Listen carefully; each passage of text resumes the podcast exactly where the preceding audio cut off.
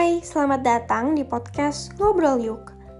Pertama-tama kenalan dulu yuk. Aku Adil Sutrisno dari kelas 11 IPS 1 nomor absen 1. Gimana nih kabarnya kalian semua? Semoga baik-baik semua ya. Mana lagi pandemi gini, jangan lupa agar selalu jaga kesehatan ya guys. Nah, biasanya di masa pandemi kayak gini, kalian di rumah tuh pada ngapain sih? Terutama sama para generasi muda nih. Aduh, jangan-jangan kalian pada males-malesan nih. Ayo, semangat dong. Karena generasi muda menjadi semakin penting loh di masa pandemi kayak gini. Khususnya sebagai sumber daya potensial yang dapat mendukung kinerja pemerintah dalam mencegah dan mengatasi dampak dari pandemi. Menurut kalian, apa sih peran kita sebagai generasi muda? Nah, tema ngobrol kali ini aku mau bahas tentang peran kontribusi generasi muda dalam menghadapi ancaman dalam NKRI. Pembahasan kali ini saya mengambil sumber dari Badan Pusat Statistik berupa infografis tentang hasil sensus penduduk 2020.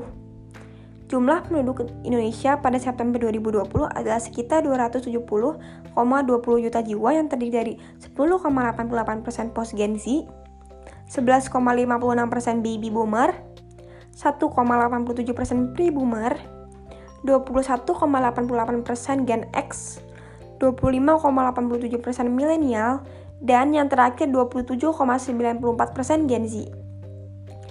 Pada September di tahun 2010, jumlah penduduk Indonesia sekitar 302,76, yang artinya jumlah penduduknya bertambah sampai 32,56 juta jiwa dibanding September tahun 2010. Nah, jika dilihat dari hasil penelitian dari BPS mengenai persebaran penduduk Indonesia menurut wilayah, pulau dengan penduduk terpadat terdapat di Pulau Jawa. Kira-kira apa sih yang bikin orang-orang tuh pengen tinggal di Pulau Jawa? Nah, ternyata karena di Pulau Jawa itu sangat subur loh guys, dan memiliki infrastruktur lengkap mulai dari jalan tol, jalur kereta api, dan lain-lainnya. Akan tetapi, berarti persebaran penduduk Indonesia tidak merata nih. Nah, salah satu program mengatasi kepadatan penduduk tanpa menekan pertumbuhan penduduk adalah dengan menenggalkan program transmigrasi, pemerataan lapangan kerja, menekan pertumbuhan penduduk dengan program KB, dan masih banyak lagi.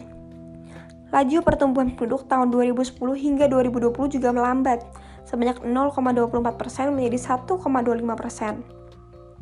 Penduduk usia produktif sebanyak 70,72%, presentasi penduduk lansia 9,78%, dan terdapat 102 penduduk laki-laki untuk setiap 100 penduduk perempuan.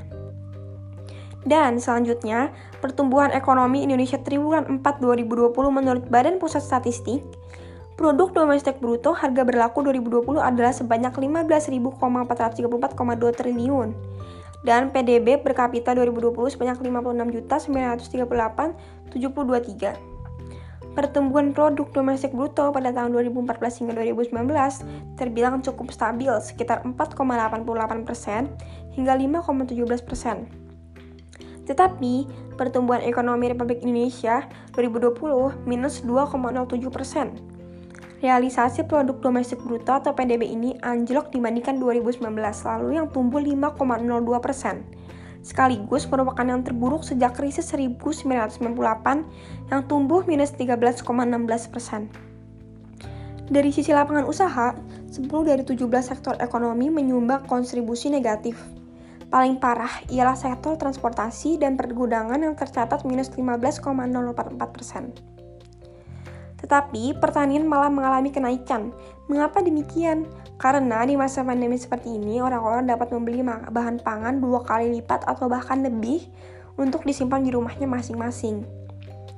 Selanjutnya, dari sisi pengeluaran, hampir seluruh komponen mencatatkan minus sepanjang 2020 kecuali konsumsi pemerintah yaitu naik sebanyak 1,94%. Dan yang terakhir aku mau bahas tentang profil kemiskinan di Indonesia pada bulan September tahun 2020. Selama periode September 2012 hingga Maret 2013, presentasi penduduk miskin di daerah perkotaan dan pedesaan tercatat mengalami penurunan. Presentasi penduduk miskin di daerah perkotaan pada September 2012 sebesar 8,60 persen, turun menjadi 8,30 persen pada Maret 2013. Sementara penduduk miskin di daerah pedesaan menurun dari 14,70% pada September 2012 menjadi 14,32% pada Maret 2013. Nah, balik lagi nih sama pertanyaan aku di awal tadi. Seperti apa sih peran kita sebagai pemuda? Banyak dari sebagian pemuda kita tidak menyadari bahkan mengetahui apa peran mereka. Padahal peran mereka sangat penting loh, sehingga hanya mereka lah yang bisa menentukan masa depan dari bangsa.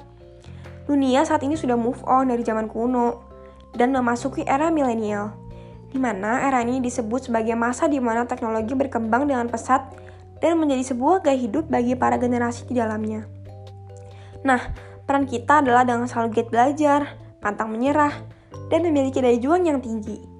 Apalagi di masa pandemi seperti ini, tingkat kepatuhan yang rendah dalam menjalankan protokol kesehatan membuat kaum muda berkontribusi dalam penyebaran COVID-19. Namun, di sisi lain, generasi muda ini juga mempunyai kepedulian tinggi dalam penanganan penyebaran COVID-19. Di antaranya adalah dengan menjadi sukarelawan, membagikan bantuan, dan melakukan sosialisasi pencegahan COVID-19. Nah, cukup sekian untuk podcast hari ini ya. Semoga bermanfaat untuk kalian semua. Sampai jumpa di episode berikutnya. Dadah!